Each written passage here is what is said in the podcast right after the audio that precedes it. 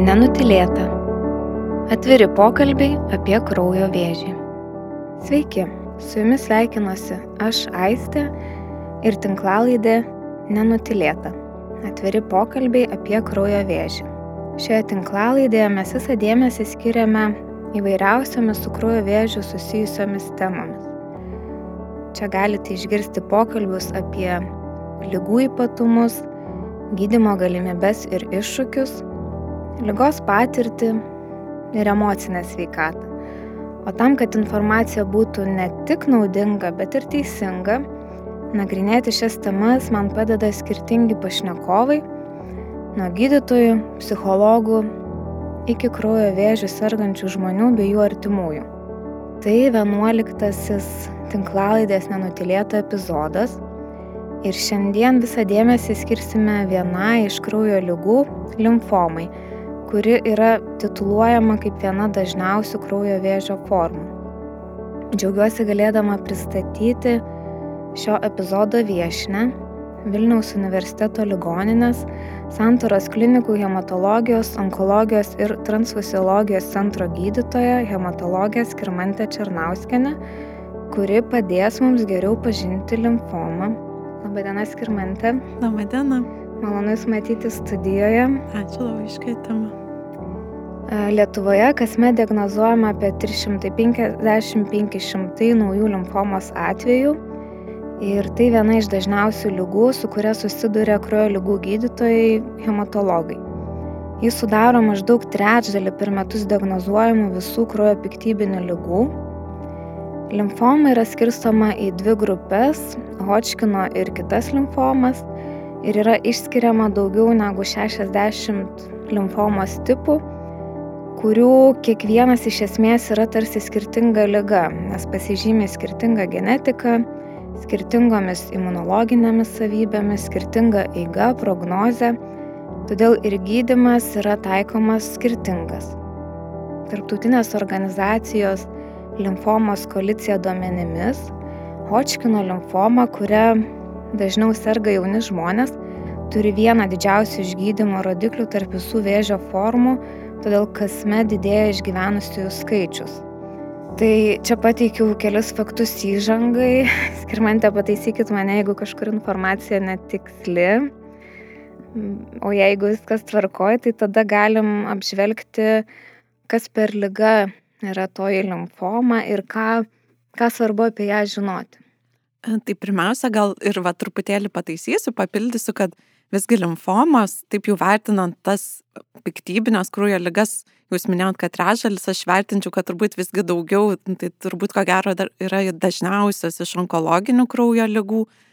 E, na ir limfomos vystosi iš, sakyčiau, tokių be nenobodžiausių e, kraujo lastelių, limfocitų, e, kurie dėl tam tikrų genetinių pokyčių pradeda nekontroliuojamai aukti, daugintis, prailgėja jų gyvenimo trukmė ir taip susiformuoja limfoma. Limfocitus vadinu nuobodžiausiam galbūt kraujo ląsteliam, kadangi yra daug kitų, na, tokių daug įspūdingesnių, gražesnių ląstelių organizme, turi vairius ten plaušelius, gaurelius, spalvotas granulės, segmentuotus brandolius. Tuo tarpu limfocitas yra tokia E, palyginus gana neišvaizdi lastelė maža, smulki, su vienu mažu brandoliu, nespalvinga. Tačiau po ta kuklia išvaizda slepiasi iš tikrųjų tokia lastelė, kuri, nepaisant tos išvaizdos, sakyčiau, yra viena iš įdomiausių visų žmogaus lastelių. E, dalyvauja be nesudėtingiausiose organizmo reakcijose, na ir atlieka pačius įvairiausius dalykus, tai yra a, gamina tokius baltymus, antikūnus, kurie kovoja prieš infekcinės ligas, geba atpažinti ir pristatyti naikinimo vietą e, svetimas į organizmą patekusias medžiagas, naikinti virusais ar bakterijom infekuotas ląsteles. Taip pat gali netgi ir atpažinti ir prislopinti navikinių lygų formavimas. Na, tai taip apibendrinant sakant, ji labai aktyviai dalyvauja E, koordinuojant imuninę atsaką, tiek jį aktyvinant, tiek slopinant. A, taigi ta lastelė yra labai kompleksiška ir tai, manau, didelę dalimi paaiškina ir kodėl limfomos yra tokios kompleksinės ir iš tiesų labai įdomios lygos. Dauguma a, kraujo lygų neturi specifinių simptomų, dėl to dažnai vadinamos labai klastingomis lygomis, tai ar tai būdinga ir limfomai, ir ką gali pajausti žmogus, kokius pokyčius organizme, kai jisai susirga.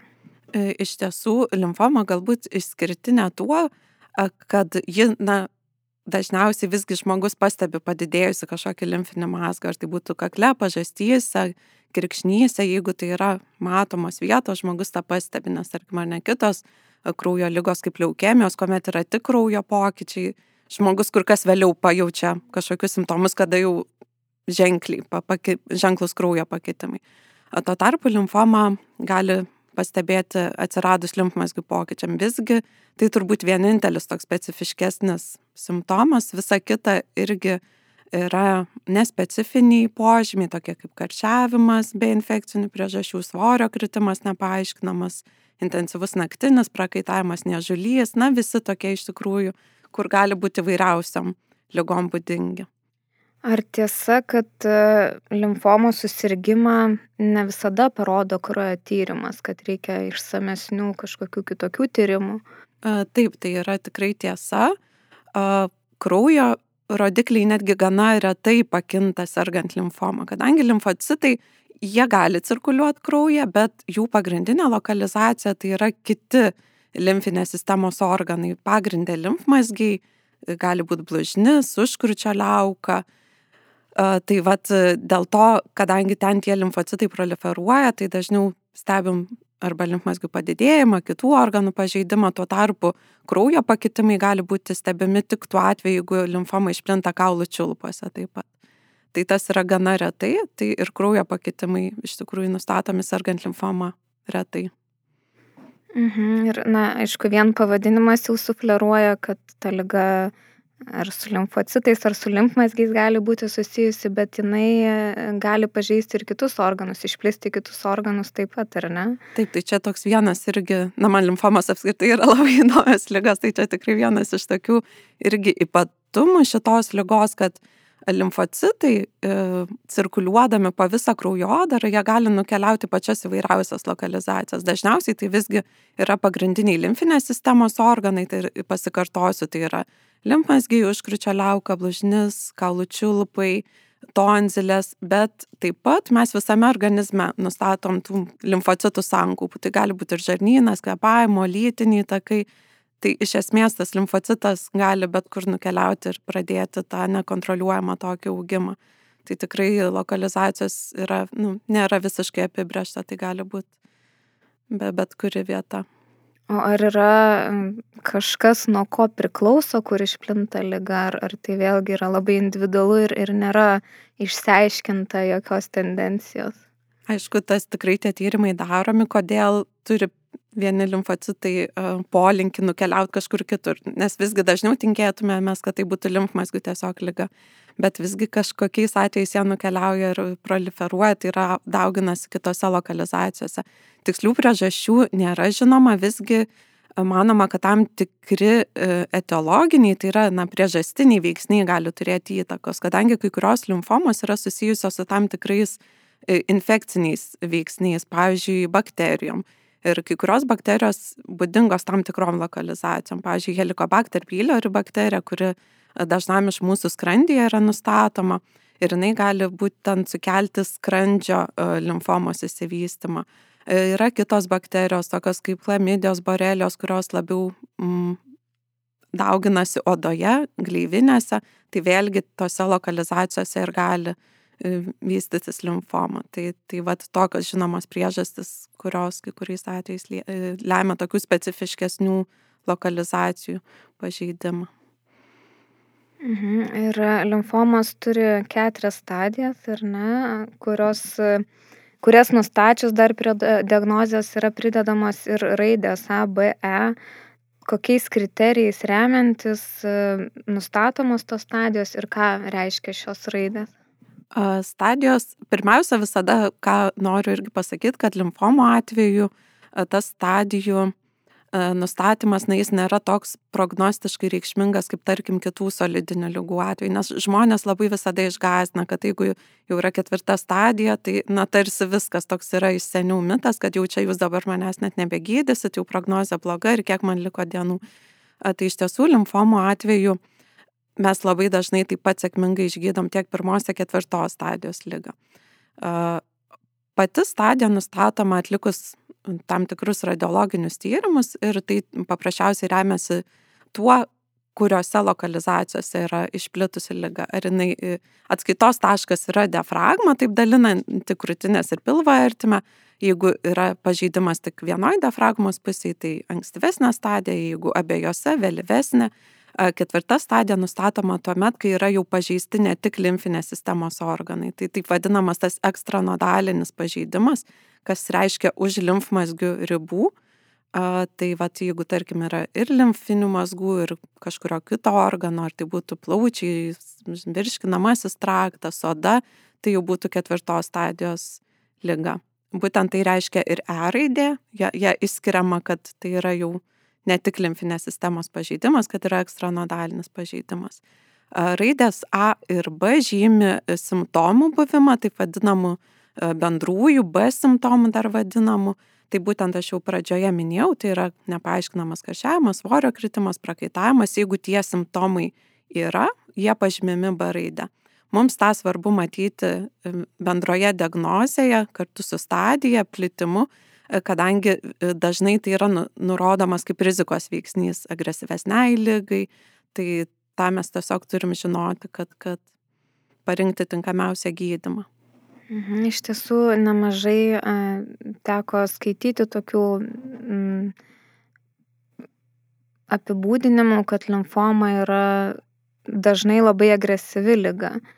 E, ir tada klausimas gal ar būna taip, kad pradžioje net nėra gydoma, tarkim, jeigu tai nėra kažkokia agresyvi, greitai progresuojanti lyga, tai net netaikomas gydimas, ar vis tiek jau limfomos atveju iš karto yra pradedama gydyti?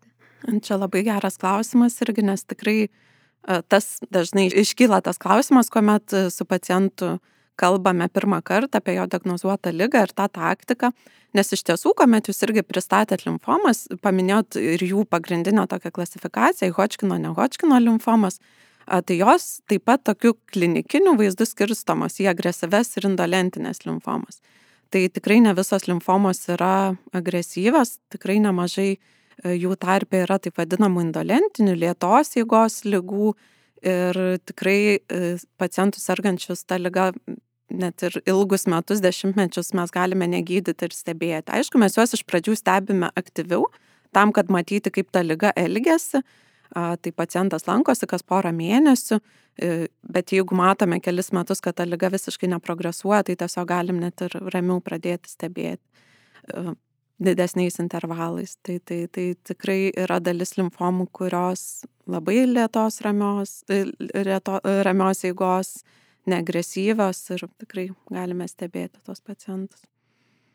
Paminėjot e, tą skirstimą į grupės, tai turbūt norėtųsi čia staptelti ir plačiau aptarti tas grupės Hodgkino limfomas ir, ir e, kitas limfomas, kuo kuo jos skiriasi ir kuo tos grupės panašios yra. Tai galim nuo Hodgkino limfomų tada pradėti ir, ir perėti paskui prie Gerai, kitų. Truputį aptartas pagrindinis momentas. Taip, tai tas toks skirstimas iš tiesų istorinis galbūt daugiau, nes e, Hodgkino limfomos įskirtos, kadangi 1832 metais jis pirmasis aprašė toks britų mokslininkas Tomas Hodgkinas, na ir jo vardu pavadinta ta lygų grupė. Iš tiesų šita grupė yra mažesnė dalis visų limfomų, jie sudaro apie 10 procentų, o likę 90 procentų yra ne Hodgkino limfomos. Hodgkino limfomos dar detaliau taip pat skirstomos į penkis tipus. Keturi yra klasikiniai tipai, vienas toks nodulinės limfocitų dominavimo tipas, tiesiog irgi atskirai jį paminiu, kadangi būtent jam taip pat būdinga tokia labiau indolentinė įga, kai tuo tarpu likusiam dažniausiam Hodgkino limfomos tipam klasikiniai būdinga agresyvesnė lygos eiga. Hodgkino limfomos ypatumas tas, kad jie dažniau serga jauni, žmonės, kadangi apskritai šiaip limfomos, kaip ir visos onkologinės lygos, labiau būdingos vyresnio amžiaus pacientams, tačiau būtent Hodgkino limfoma dažniau nustatoma ir jauno amžiaus asmenim. Klinikiniai požymiai šitų lygų yra panašus kaip ir visų limfomų, tai limfmazgių padidėjimai, bendrieji simptomai. Galbūt pagrindinis irgi Hodgkino limfomos ypatumas, kad šiuo metu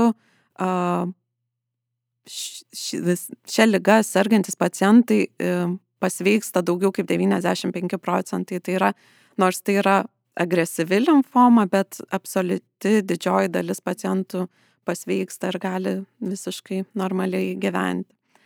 Tuo tarpu nehočkino limfomos, jos toliau irgi skirsamos, ta limfomų klasifikacija tokia gana sudėtinga, kadangi nu, jau ir pati ta, ta e, lastelė, iš kurios vystosi sudėtinga, tai ir, ir, ir tolesnė lygų, lygų, lygos klasifikacija tokia gana kompleksinė, visgi tai papras, paprasti akcentai, kad nehočkino limfomos toliau gali būti skirstomos į tai, iš kokių lastelių vystos, tai B ar T limfocitų, dažniausios yra B limfocitų limfomos ir taip pat pagal tą klinikinę įgą, tai yra agresyvios ar indolentinės.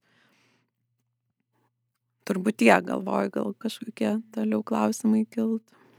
Ar galima pasakyti, kad limfoma serga kažkuri lytis labiau išsiskiria, ar, ar nelabai yra to desningumo? Šiek tiek tendencijos yra, kad vyrai dažniau serga e, tiek Hodgkino, tiek ne Hodgkino limfoma, bet tas skirtumas, sakyčiau, toks ne, nereikšmingas, tai gal ne, nereiktų taip akcentuoti. Šiek tiek studijose aprašoma.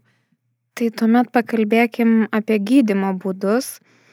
Ir kadangi ir pati minėjau, kad pagal tipus e, ir gydimas labai gali skirtis, e, tai nežinau, kiek čia galima bendrai pasakyti, bet kaip gali būti gydoma ši lyga.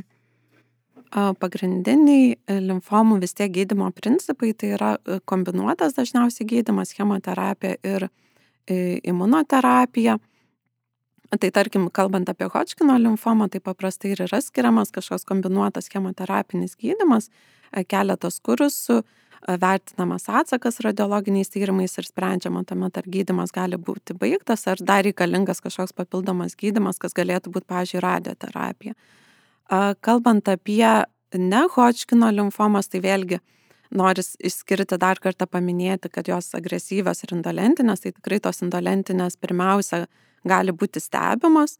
Tuomet, jeigu jos suaktyvėja, sukelia pacientui kažkokius simptomus, pablogina jo gyvenimo kokybę, taip pat gali būti skir skiriamas imunochemoterapinis gydimas, vis dėlto jis paprastai stengiamasi jį skirti kuo mažiau intensyvų, kadangi dėja nepaisant to, kad šiuo metu skiriant gydimą dauguma indolentinių limfomų atvejų gali būti sėkmingai pasiekiamos remisijos, e, tai yra ilgalaikis pasveikimas, visgi e, didžioji dalis pacientų nepasveiksta visiškai. Tai laikoma, kad tai nėra išgydomos lygos. Tai yra mūsų tikslas, jeigu pacientui lyga suaktyvėja, mes skiriam gydimą tam, kad tos simptomus nuslopinti, bet kartu siekiame ir išvengti gydimo toksiškumo, na, nes jis ir toliau turės gyventi su ta lyga. Tuo tarpu agresyvų limfomų atveju, kadangi jos vystosi greitai, proliferuoja, dauginasi labai aktyviai, gali labai greitai pabloginti paciento būklę, tai paprastai skiriamas intensyvesnis chemoterapinis gydimas, kad kuo greičiau suvaldyti tą lygą. Turbūt tokie būtų principai. Mhm. O nuo ko priklauso limfomos gydimo sėkmė? Turbūt nuo um, tokių įvairių veiksnių. Pirmiausia, kaip iš medicininės pusės, tai ar ne, mums kaip gydytam Pirmiausia, svarbu, koks yra limfomos tipas, kadangi ir nuo jų priklausomai skiriasi limfomų gydimo rezultatai. Tai ta pati, kaip jau minėjom, Hodgkino limfoma beveik jau šiuo metu šimtaprocentinis pasveikimas, tuo tarpu ne Hodgkino limfomos atveju jisai šiek tiek mažesnis, apie 70 procentų, kai kurių tipų atveju gali būti dar mažesnis. Tai pirmas veiksnys turbūt nuo ko priklauso pasveikimo e, na, tikimybė, tas gydimo sėkmė, tai yra pačios lygos variantas, bet taip pat tikrai labai svarbu ir paties paciento veiksniai. Tai yra jo būklė, ar jis turi gretutinių lygų, koks amžius pacientas, ar yra kažkokių organų pažeidimų, širdies, kepenų, inkstų funkcijos rodikliai.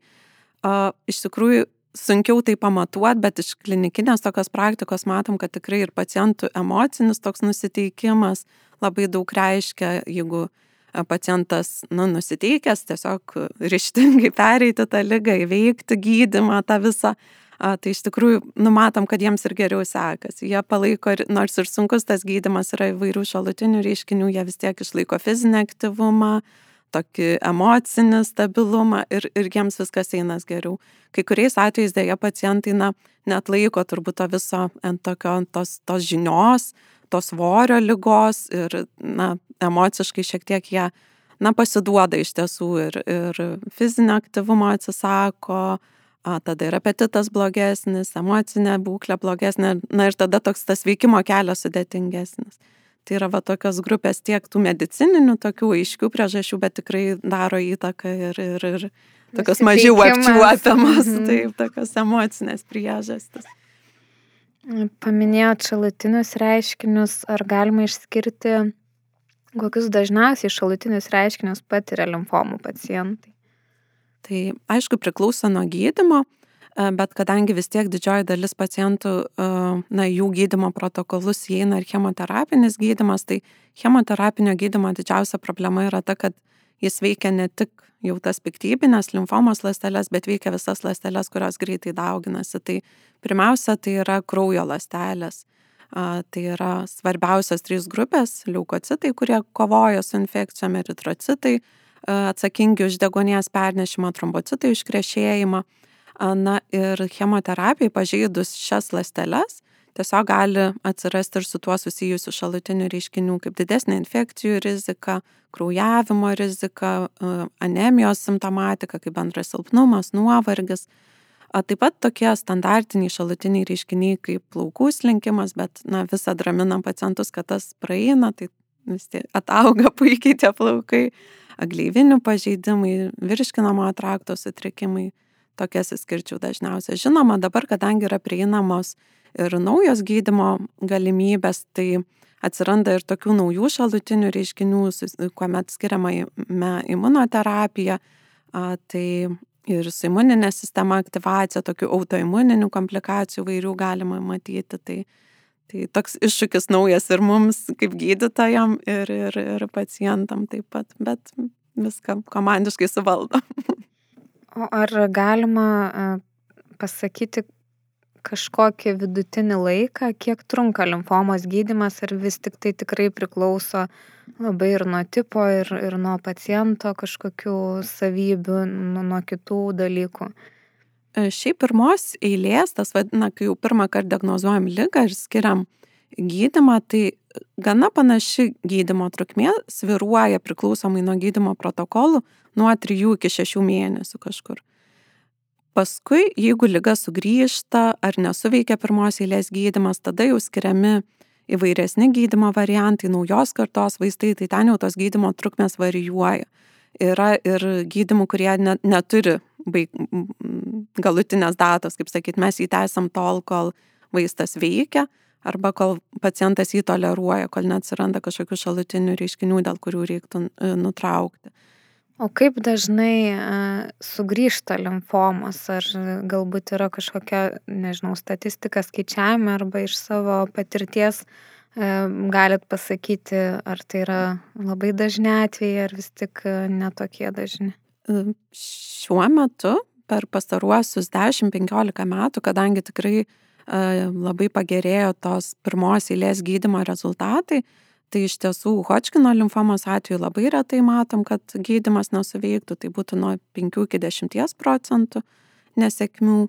Kitų limfomų atveju tas skaičius šiek tiek didesnis, sviruoja tarp 30-50 procentų, gal, yra tikimybė, kad anksčiau ar vėliau lyga gali sugrįžti.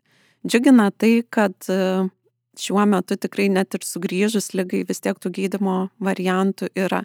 Ir mūsų tikslas dažnai būna, na ir pacientus taip pat nuraminti, kad uh, mūsų pirmoji eilė tikslas taip pat yra, na žinoma, išgydyti, noris kuo, kuo daugiau atvejų pirmo gydimo metu, bet taip pat labai svarbu, kad na mes kad ir dalinę atsaką pasiekėm, kad ir kuriam laikui, bet mes laimim to laiko. O hematologija iš tikrųjų tokias rytis, kur labai progresuoja tas mokslas, atsiranda kasmet, praktiškai kas, kas kelis mėnesius naujų rezultatų, naujų vaistų ir nu, tikimybė tiesiog, kad vėliau sugrįžus lygai mes vėl turėsim kažkokią galimybę, kaip vėl ją suvaldyti. Apie šitą principą, kad svarbu laimėti laiko, tai esame tikrai kalbėję. Na taip, tai čia toks bendras prie galioja. visų lygų, bet tiesiog mm. taip jis labai labai svarbus ir galioja ir limfomam. Ir jūs paminėjote ir aš norėjau paklausti būtent apie tą medicinos pažangą, kuri pastarai dešimtmetį ženkliai keitė kraujo lygų gydymo galimybes, tai kaip tai atsispindi limfomų gydyme, ar galima padetalizuoti daugiau šią temą? Taip, tai iš tiesų limfomų prieš dešimt metų visos praktiškai, nors tų limfomos tipų yra na, labai daug, daugiau kaip 50 ar 100 jų skiriama, bet visos jos buvo gydomos vienodai. Tai yra nepaisant to, kad dėka įvairių genetinių, imuninių tyrimų mes galėjom vis tiksliau nustatyti kokia ta limfoma, kad jis skiriasi, kokia jos kilmė, koks jos vystimosi būdas. Nepaisant to, tai nepadėjo sukurti kažkokių efektyvesnių gydimų. Visgi pirmasis lūžis įvyko prieš jau, dabar jau turbūt prieš kažkur 20 metų, kai buvo sukurti vaistai, imunoterapija, kuri atpažįsta tam tikras molekulės ant limfomos lastelių ir jie specifiškai gali sunaikinti.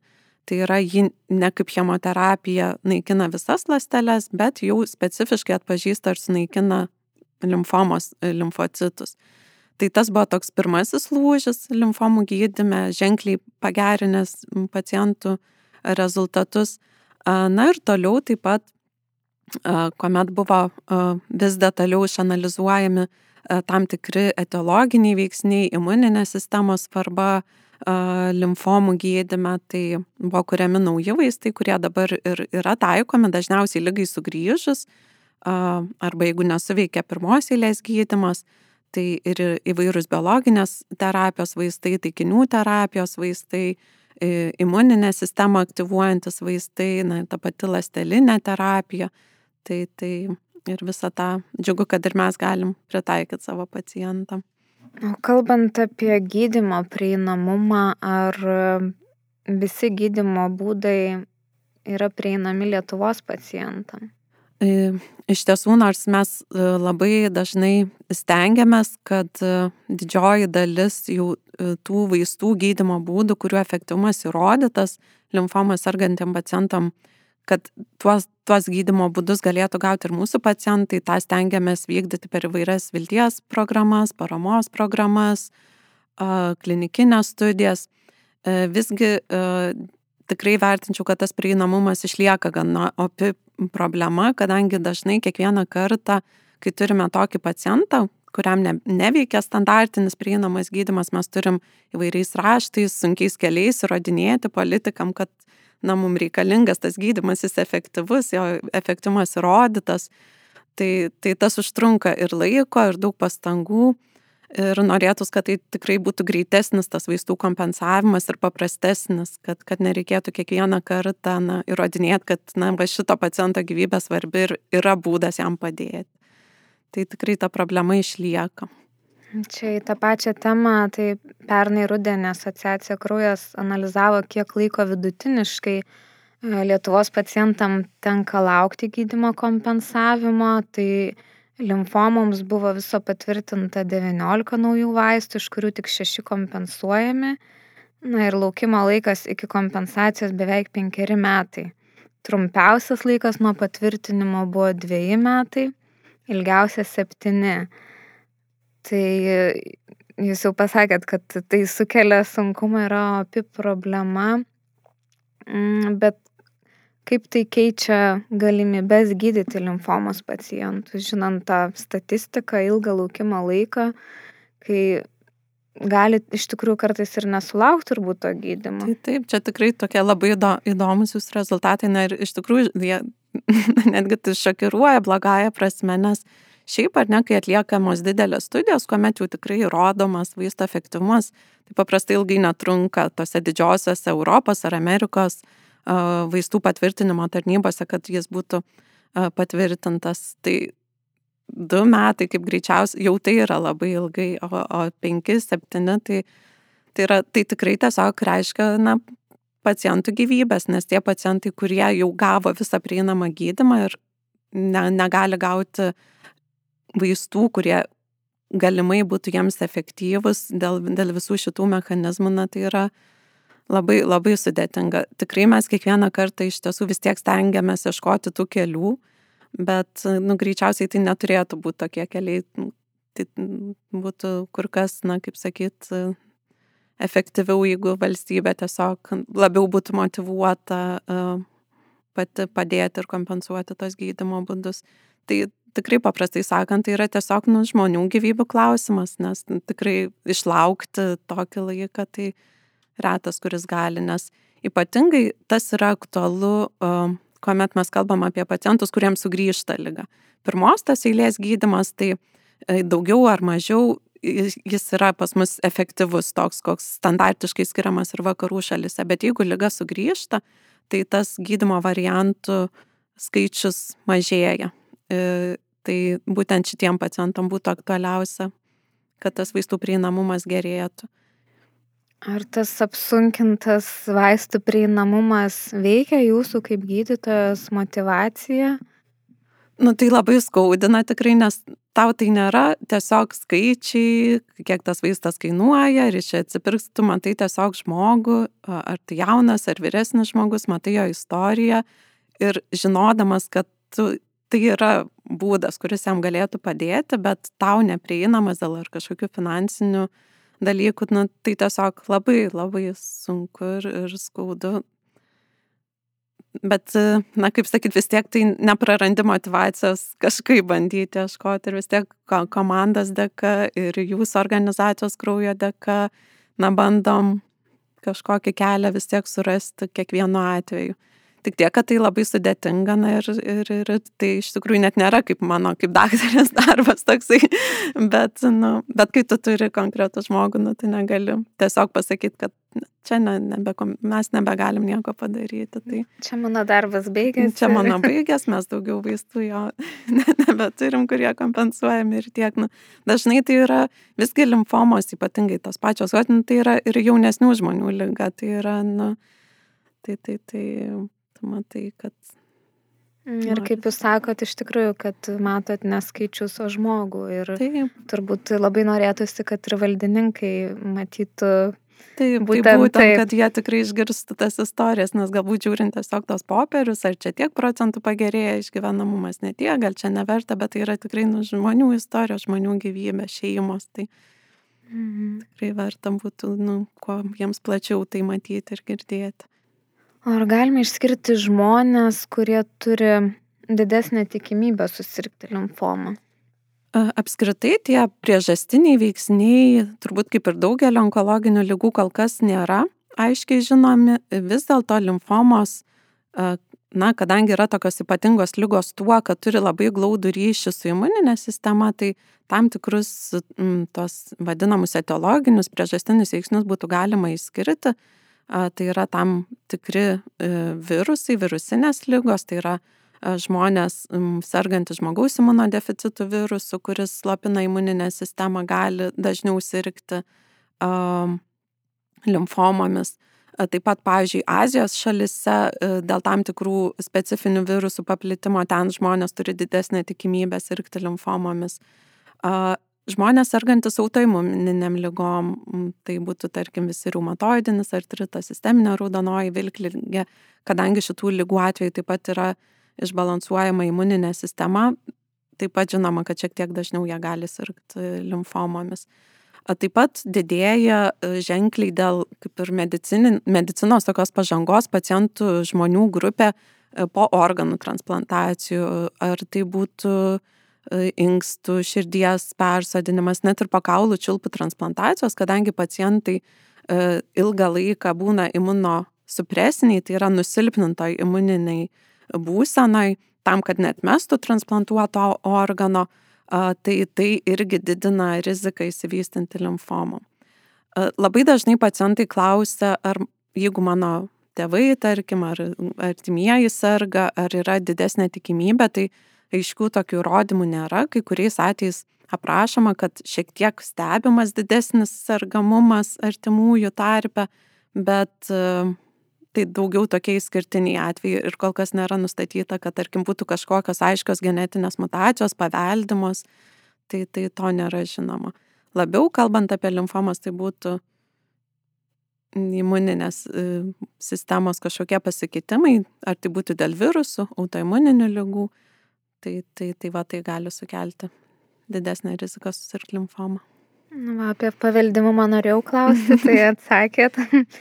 O ką reikėtų žinoti pacientui, ne tik pacientui, turbūt galbūt ir artimiesiam gydimo metu, ar yra kažkokios rekomendacijos, į kurias reikėtų atsižvelgti, galbūt čia verta paminėti šiek tiek ir apie kažkokius alternatyvius gydimo būdus, apie pasitarimą su gydytojais, kiek tai yra svarbu. E, iš tiesų, pagrindinis dalykas, ką visada ir savo pacientams sakau, kad, na, visada drąsiai visko klauskit ir kuo detaliau išsikalbėkim. Taip pat visada skatinu, kad nebūtų vienas pacientas, kad ateitų kažkoks artimas žmogus, ar tai šeimos narys, ar bičiulis, na, tiesiog Nes pacientas dažnai, na, išgirsta turbūt kokį 10 procentų informacijos, jeigu ne mažiau iš visos to, ką tu ten kalbi, tau gal atrodo, kad tu čia valandą aiškini, pasako apie gydimo komplikacijas. Žmogus labai dažnai išėjęs, jis nieko ne, nebeatsimena. Tai labai svarbu, kad šalia kažkas būtų, kad irgi išklausytų, patartų, paklaustų. Ir taip pat visada skatinu pacientus, kad jie, na, viską klaustų, kad, kad žinotų, kad nėra kažkokių kvailų klausimų, ar tai liečia alternatyvę mediciną, nes uh, natūralu, kad žmonėm labai dažnai kyla, turbūt visi pacientai paklausia, ar kažkokius vitaminus, papildus, nes na, norisi maksimaliai padaryti viską, kad tą lygą sukontroliuot, uh, tai mes visat patariam gydimo metu, ar ką verta daryti, ką, ko neverta, ką vartoti, ko nevartoti.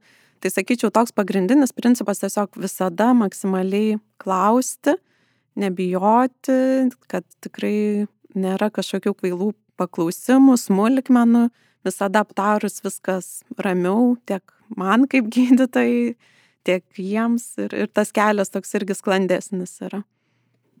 Pradžioje minėtos tarptautinės organizacijos limfoma koalicija vykdyta pacientų apklausa atskleidė, jog palyginus su vyresniais limfomos pacientais, jaunesniems Hodžkino limfomą sirgusiems žmonėms neproporcingai daug įtakos turėjo psichosocialinės problemos, jiems didesnį poveikį sukėlė lygos simptomai ir gydimas šalutiniai poveikiai. Įdomu, ar jūs savo praktikoje pastebite tokią tendenciją, na ir kaip manot, kodėl taip yra? Apskritai labai įdomu yra tai, kad tarkim Hodžkino limfomą sergantiam pacientam, nors jų gydimo rezultatai yra labai geri, tai yra absoliučiai didžioji dalis jų pasveiksta, bet kaip ir jūs paminėjote, didelė jų dalis vis tiek paskui nurodo, kad jų gyvenimo kokybė bloga, jie jaučia nuolatinį nuovargį, socialinės problemas. Ir tas dažnai neatsispindi, arba bent jau neatsispindėdavo senesniuose tyrimuose. Mes matydom, kad tiesiog štai puiku pasveiko daugiau kaip 90 procentų pacientų, tarsi mūsų darbas baigtas.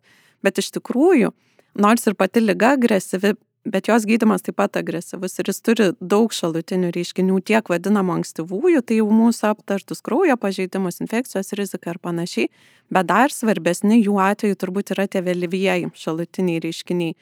Ir tai yra, kadangi jauni žmonės, tai yra tikrai ir, ir vaisingumo problemos, darbo problemos, emocinės problemos, na, bendras sveikatos pablogėjimas, didesnė rizika įvairių tokių lėtinių organų sutrikimų, skydliaukės, širdies, plaučių funkcijų pažeidimų, kas visą tai blogina jų gyvenimo kokybę. Todėl iš tiesų dabar vis daugiau atsigręžiama į tai ir na, atliekamos irgi klinikinės studijos tam, kad įvertinti, kad galbūt mes visgi galbūt galime sušvelninti tą gydimą, galbūt galime padaryti kažką, kad neprarasti tų puikių gydimo rezultatų, bet ir netaip smarkiai pabloginti tų pacientų būklę. Nes, na, nors jie ir pasveiksta, bet tikrai jie susiduria su tokiu daug ilgalaikių problemų ir, ir, ir tos pagalbos tuomet netaip lengva jiems gauti, nes atrodo, tu tarsi sveikas ir, ir, ir, ir gyvenk. Ir, Gyvenk ir džiaugis. Ir džiaugis, bet visgi ne, ne paprasta. Tai, tai ta problema yra, bet šiuo metu jinai tikrai matoma ir, ir galbūt tas keisis kažkiek, kad, nes tikrai svarbu ne tik išgydyti, bet ir paskui išlaikyti normalią gyvenimo kokybę tiem žmonėm. O gal pastebėjot ir jeigu, aišku, pacientai prasitarė, su kokiamis baimėmis jie dažniausiai susiduria? Galvoju dabar, na, pirmiausia, visgi sakyčiau, pirmoji baimė ir pagrindinė yra, na, ir aš pasveiksiu. Tas toks pirmasis uh, Nes mes dažnai ar ne tada pradedam, e, na, čia yra lyga, dabar turim problemą, bet galim ją išgydyti, čia toks gydimas, toks, nes dabar iš tiesų vis daugiau prieinamų tų gydimo variantų, net ir e, daugėja ir pasaulyje tokia tendencija, kad daugiau perkeliama atsakomybės tarsi ir pacientui, na, jūs va štai galit pasirinkti iš tokio tokio, čia toksiškumas, šalutinės reakcijos tokios, dabar tokios tu suteiki daug informacijos ir tu matai, kad tas žmogus, na, jis, jis sako, daktarė, man nesvarbu, aš noriu pasveikti mum atrodo tarsi svarbu, kad čia vat nuo šito vaisto nuslinks plaukai, nuo to nenuslinks, bet nuo to čia labiau nutirps rankos, nuo to nenutirps, bet tuo metu visgi žmogui pagrindinė, manau, baime yra, ar aš pasveiksiu. Ir dažniau nori žmonės gauti patį efektyviausią gydimą, kuris turi didžiausią tikimybę išgydyti ir mažiau pergyvena tuo momentu apie šalutinius reiškinius.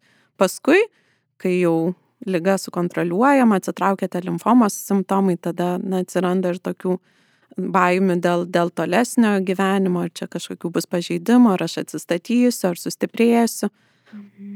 Ar, nežinau, ar teisingai pasakysiu, vėlgi pataisykit, kad jūs specializuojatės limfomų gydime, ar Taip. ne?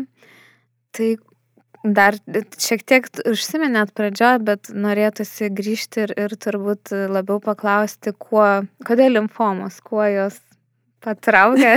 Nežinau, ar tai buvo pasirinkimas, ar, ar tiesiog susiklostė tai, bet... Ne, tai tikrai toks buvo mano pasirinkimas, nes e, turbūt jau net ir medicinos bendrųjų studijų metu būtent tas, kai pradėjau mokytis apie tą visą limfinę sistemą, limfocitus, nu mane tikrai tai užbūrė, kokios tai, na, paprastos lastelės ir jos tiek gali nuveikti. Tai vad pirmas dalykas, kuris sudomino, tai ta pati lygos biologija, kad, na, tai yra labai kompleksinė lyga. Taip pat, na, antras dalykas turbūt ir būtent tie etiologiniai veiksniai, kaip kalbėjom, tai tarkim, kitų solidinių navikų, krūties, žarnyno, na, plaučių, visa tai atrodo šiek tiek paprasčiau, arba iš vis nėra žinoma, arba tai tarkim ten rūkimas kažkoks sukelia, o limfomo atveju tai viskas labai kompleksiška, kad va ir virusai, bakterijos gali sukelti ir tarkim tų virusų ar bakterijų gydimas gali ir išgydyti pačią limfomą, na tokie įvairiausi įdomus dalykai. A, tikrai irgi sudomino šitą lygą. A, a, taip pat, na, tai klinikinė klinikinis pasireiškimas, kad tai nėra kažkokio vieno organo lyga, tai tikrai gali pasireikšti visur, pradedant galvos smegenim, baigiant e, oda, kaulais, tai, tai irgi tu, tai nėra kažkokia monotoniška lyga su vienodais simptomais, tai yra na, labai platus spektras e, pacientų, tai yra įvairūs pacientai sergantis nuo labai jauno amžiaus iki visiškai senyvo. Na ir taip pat tas gydimo prieinamumas visgi, kuris turbūt lyginant su kitom lygom, net ir Lietuvoje yra neblogas palyginus ir labai įvairus ir labai šitoj srityje daug genetinių visokių naujovių, molekuliniam ligmenį ir daug ir gydimo tamet naujovių, tai tas visas tikrai nu, išbūrė ir, ir tas limfomas man yra dabar labai artimas ir, ir, ir, ir. Domina iki šiol labai smarkiai. O kalbant apie mm, ir medicinos pažangą ir kažkokius, kažkokias ateities tendencijas, ar yra, mm, galbūt teko ar skaityti, ar, ar girdėti apie kažkokius dar inovatyvesnius ar gydimo būdus, ar galbūt yra kažkokia ateiti žadama, kur nu, tikrai stebina ir, ir dabar gal atrodo, kad čia iš vis neįmanoma.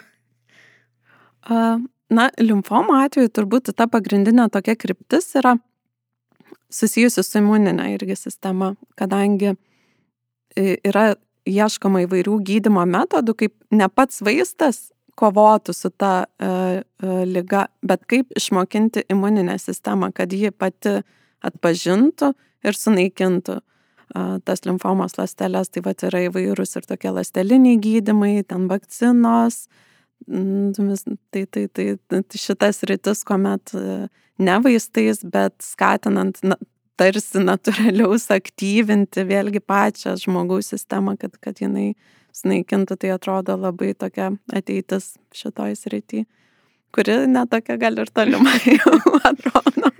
Tikėkime, kad pavyks pasiekti Taip. čia greitai gerų rezultatų.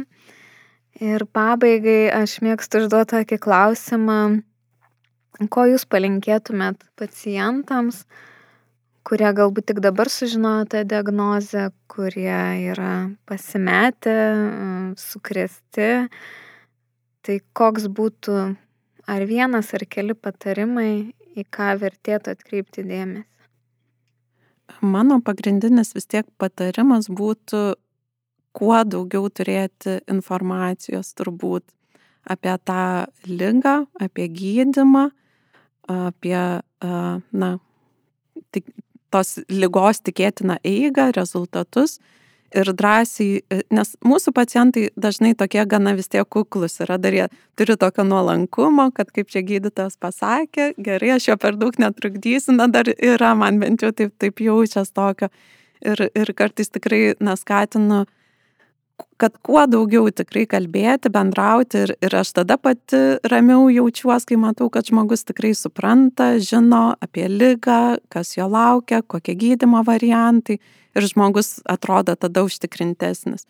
Kartais, jeigu tikrai mes visi vis tiek skirtingi, na, ne visiems norisi galbūt labai daug tos informacijos, jie nori tik tai gairių tam tikrų, bet tada vis tiek, kad būtų artimasis, galbūt šalia, kuris žinotų, palaikytų, kuris, jeigu kažkas nutiktų, nepasimestų, na, būtų šalia. Tai tokia tiesiog susiburti apie save komandą, su gydytoju palaikant glaudų ryšį pasitikint vienu kitu, artimųjų ratą, nenusigręžti, neusidaryti, nes tas turbūt palaikymas, bendravimas tokio, na, kiek įmanoma ir to normalesnės gyvenimo pusės, nes gydimo metu vis tiek tai ir ligoninė, vaistai, šalutiniai reiškiniai, tai visa tas užima labai didelę dalį, bet kiek leidžia savijautą išlaikyti, na ir tą savo įprastą gyvenimą su bendravimu, pomėgiais, maistu, pasilepinti, kad, kad tas sveikimo kelias nebūtų vien vien sunkus. Tai, tai dėl to irgi visat kviečiu, jeigu ką, ir, ir kontaktai ir, ir yra prieinami, tai yra rašyti ar elektroniniu paštu visada, kai galim stengiamas atsakyti, kad, kad šiek tiek nuraminti, ir, nes tikrai ta nauja diagnozė, nu jinai sukelia labai daug streso. Tai. Mhm. Ačiū Skirmantį už pokalbį ir už galimybę daugiau sužinoti apie limfomą. Ačiū Jums labai už šitą laidą. Ir ačiū visiems, kurie klausėte šio epizodo.